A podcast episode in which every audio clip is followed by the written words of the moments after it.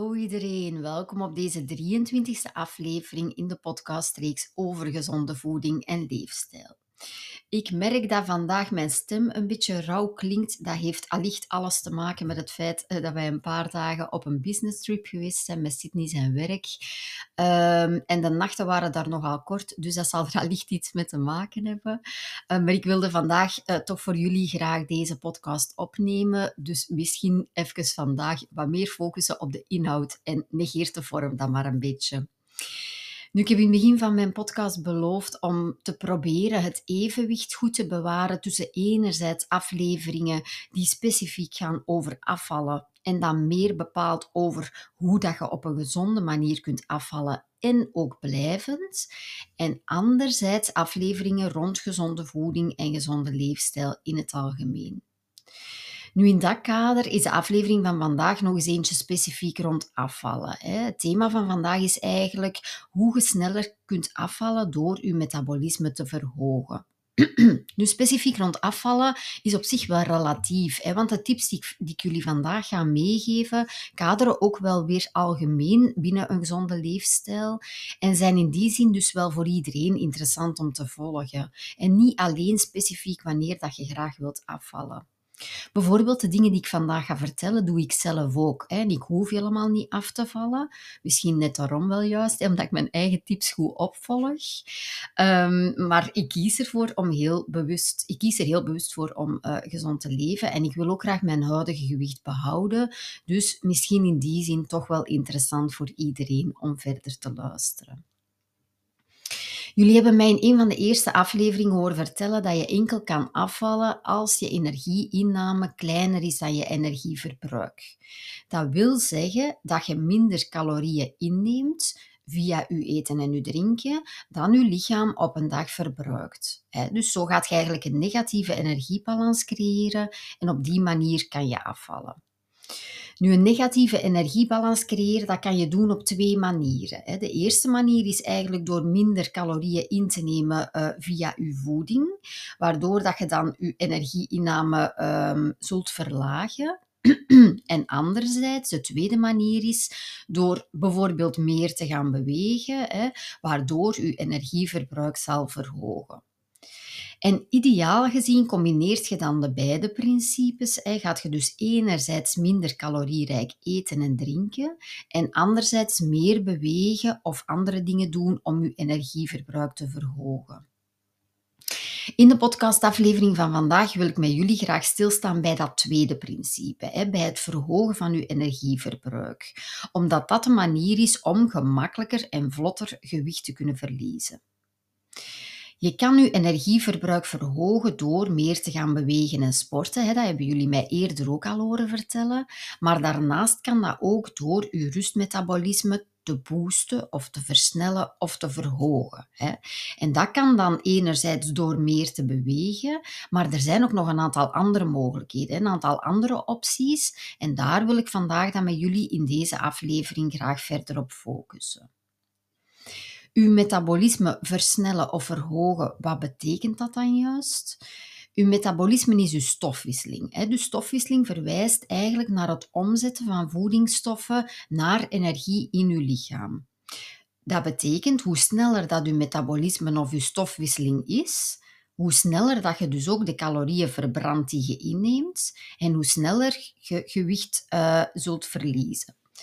Dus je metabolisme verhogen of versnellen of boosten is een goede manier om het afvallen eigenlijk te bevorderen. Maar hoe doe je dat dan? Dat is hetgene wat ik u in deze aflevering graag ga vertellen. Een eerste tip is eigenlijk iets wat je vooral niet meer wilt doen. En dat is te weinig eten minstens een kwart van de vrouwen, of misschien nog wel meer, denk ik, hè, uh, een kwart van de vrouwen die ik zie in mijn praktijk, eten te weinig. En dan ook nog eens de verkeerde dingen. Hè. Maar het gros van, of heel wat vrouwen, eten eigenlijk te weinig.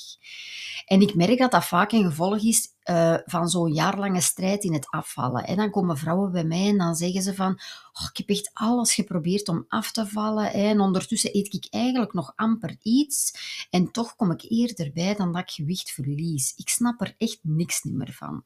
En dat is het verhaal waar, waarmee mensen vaak bij mij terechtkomen.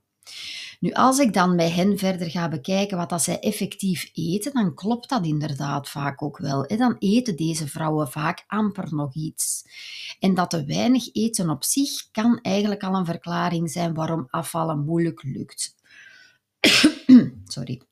Want wat dat er namelijk in je lichaam gebeurt wanneer dat je te weinig eet, en dat heb ik in een eerdere aflevering ook al eens verteld, maar ik kan toch nog eens herhalen voor degenen die misschien vandaag pas voor de eerste keer luisteren. En wanneer dat je te weinig eet, dan gaat eigenlijk je lichaam overschakelen op een soort van overlevingsmodus. Hè. Je lichaam gaat eigenlijk al heel snel leren van oei oei, hier komen regelmatig te weinig voedingsstoffen binnen. Ik ga maar een beetje zuiniger worden in mijn energieverbruik, zodat dat ik straks niet zonder energie kom te zitten. En wat gebeurt er dan? Dan gaat eigenlijk je rustmetabolisme dalen. Dat wil zeggen dat je lichaam in rust minder energie gaat verbruiken dan voordien het geval was. Het gevolg daarvan is dat afvallen zeer moeilijk wordt, zelfs wanneer dat je meer gaat bewegen. En om het dan nog extra moeilijk te maken, hetgene wat dat, uh, eigenlijk ook het geval is, dat is dat dit proces ook heel moeilijk terug om te keren is. dus eens dat je rustmetabolisme in die overlevingsmodus zit, dan is het vaak nodig om eerst een tijdje te werken aan herstel van je lichaam, voordat het afvallen weer terug goed op gang gaat komen. En dat is iets wat dat heel veel vrouwen wel moeilijk vinden. Hè. Dus in die zin is het denk ik een heel belangrijk advies vandaag om mee te geven van mijn kant uit. Voorkomt dat probleem. Ga geen crashdiëten doen. Ga niet langdurig heel veel je calorieinname verlagen. Want het risico is heel groot dat je daarmee in de problemen komt. Eens dat je lichaam is overgeschakeld, eens dat je rustmetabolisme in die overlevingsmodus zit, duurt het vaak een hele tijd voordat we dat kunnen herstellen. Een tweede tip om je metabolisme of je stofwisseling te verhogen, is zoals ik eerder al vertelde, door meer te gaan bewegen. Met bewegen verbrand je, de energie, verbrand je energie, hè, waardoor dat je energieverbruik uh, verhoogt op het moment van je activiteit. Maar wanneer dat je vaak beweegt of sport, dan zal je energieverbruik in het algemeen worden verhoogd. Hè, omdat je lichaam algemeen beter gaat functioneren op alle vlakken. Hè. Meer bewegen bevordert de peristaltiek van je darmen. Als je darmen, dat is de bewegelijkheid van je darmen, als je darmen beter zijn werk gaan doen, gaat je vlotter en gemakkelijker afvallen dat werkt ook door op andere momenten. Niet alleen op het moment van uw activiteit zelf, maar ook daarbuiten. Daarnaast is het zo dat door te bewegen en te sporten, en dan kom ik eigenlijk ook naadloos aan tip nummer drie, hè, je meer spieren gaat opbouwen en het is zo dat spieren meer energie verbruiken dan vet dus wanneer dat je meer gaat bewegen en sporten, dan ga je meer spieropbouw krijgen en die spieren gaan dan meer energie verbruiken dan vet. Dus ook hier nog eens een pleidooi bij iedereen om aan krachttraining te gaan doen. krachttraining of spierversterkende oefeningen. Krachttraining levert enorm veel gezondheidsvoordeel op. En daarnaast verhoogt het ook je metabolisme, dus dat is eigenlijk een win-win. Nu, het leven is veel leuker met wat meer spieren en wat meer spierkracht. Hè. En daarnaast is het ook wel zo dat je met krachttraining ook veel fysieke ongemakken kunt vermijden of genezen. En heel veel mensen kampen bijvoorbeeld vandaag de dag met lage rugklachten. Heel vaak zijn die het gevolg van een gebrek aan spieren in uw koor. En uw koor, dat is dan zowel uw buik als uw rug. Uh, dus een gebrek aan spieren daar, in, die, in uw buik, in uw rug, hè, in uw koor, kan ervoor zorgen dat je lage rug klachten uh, gaat krijgen.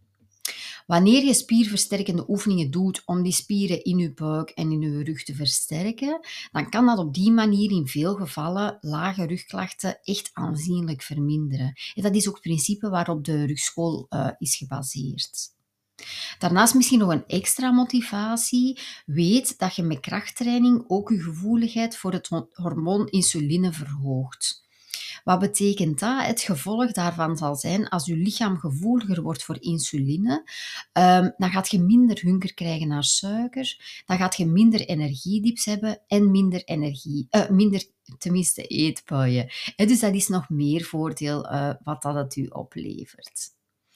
Maar dus waar dat het vandaag over gaat dan, probeer om meer krachttraining ofwel die spierversterkende oefeningen te doen, om op die manier je metabolisme of je stofwisseling een boost te geven. En dan heb ik nog een vierde tip, ook een hele belangrijke. Probeer om voldoende te slapen. Dat is ook iets wat voor heel veel mensen moeilijk is, hoor ik. Maar slaap is enorm belangrijk, ook als je graag uh, vlot wilt afvallen.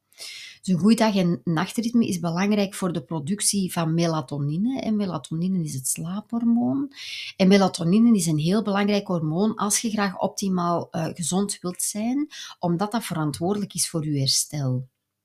Daarnaast is het ook zo dat melatonine ervoor zorgt dat vet efficiënt kan gebruikt worden als energiebron. Um, en zo zal eigenlijk een goede nachtrust uw metabolisme ook verhogen. Misschien nog een weetje meegeven. En wisten jullie trouwens dat overdag uw vetcellen groeien en dat ze tijdens de nacht weer worden uh, afgebroken hè, of terug um, dat die groei stopt? Dat betekent dat wanneer dat je onvoldoende nachtrust neemt, dat je vetcellen, kort door de bocht gezegd, s'nachts blijven groeien. En vetcellen maken stofjes vrij die ontstekingen kunnen veroorzaken of bevorderen. Dat is iets wat dat jullie, degenen die mij volgen op social media, wat dat je deze week ook in mijn uh, post daar kon lezen. Uh, en daarnaast is het ook zo dat een tekort aan nachtrust ook uw uh, gevoeligheid voor het hormoon insuline met bijna een kwart toe dalen. En dus waar dat we misschien die gevoeligheid voor insuline verhoogd hebben met meer krachttraining te gaan doen, mocht je daarbij te weinig slapen, dan gaat je daar eigenlijk weer terug afbreuk aan doen. En, dus, en als uw gevoeligheid voor insuline uh, daalt, dan gaan er daardoor ook relatief weer meer nieuwe vetcellen worden aangemaakt. Dus heel belangrijk, slaap voldoende. En hoe kan je zorgen voor een goede nachtrust? Dat is door eigenlijk vanaf 12 uur na het opstaan uh, zaken te vermijden, zoals bijvoorbeeld blauw licht. Dus ga liefst niet nog op je gsm of je computer vlak voordat je uh, in je bed gaat. Liefst ook niet meer eten na 12 uur na het opstaan. En liefst ook niet meer te laat op de avond intensief bewegen, want ook dat kan uw uh, slaappatroon wel verstoren. Dus voilà, dat was het dan uh, voor vandaag. Ik hoop dat jullie met deze tips uh, goed geholpen zijn. Misschien nog eens een oproep. En mochten jullie mijn podcast interessant of helpend vinden, dan zou het heel fijn zijn als jullie vijf sterren zouden geven in de beoordeling. Uh, ondertussen hebben al 112 mensen dat gedaan, heb ik gezien. Um, en de gemiddelde beoordeling is daarbij op deze moment ondertussen al een hele tijd 4,8 sterren. En waar ik heel dankbaar voor ben. Um, en het zou heel fijn zijn mochten dan nog wat meer beoordelingen kunnen worden. Hè? Want hoe meer beoordelingen deze podcast krijgt, hoe meer volgers er kunnen komen. En hoe meer volgers er komen, en dat zijn er ondertussen uh, rond de 500, hoe hoger dat de podcast gaat scoren in de ranking en hoe beter dat die dan zichtbaar wordt in Spotify bijvoorbeeld of in Apple Podcast, waardoor mijn tips en adviezen meer mensen gaan kunnen bereiken uh, en ik op die manier ook wel meer mensen kan helpen. Dus mocht je daartoe bereid zijn en mocht je deze podcast goed vinden, zou het heel fijn zijn als je uh, een beoordeling geeft van vijf sterren. En dat kan, door gewoon, uh, in, dat kan je gewoon in de app doen. Alvast een hele dikke merci en tot gauw.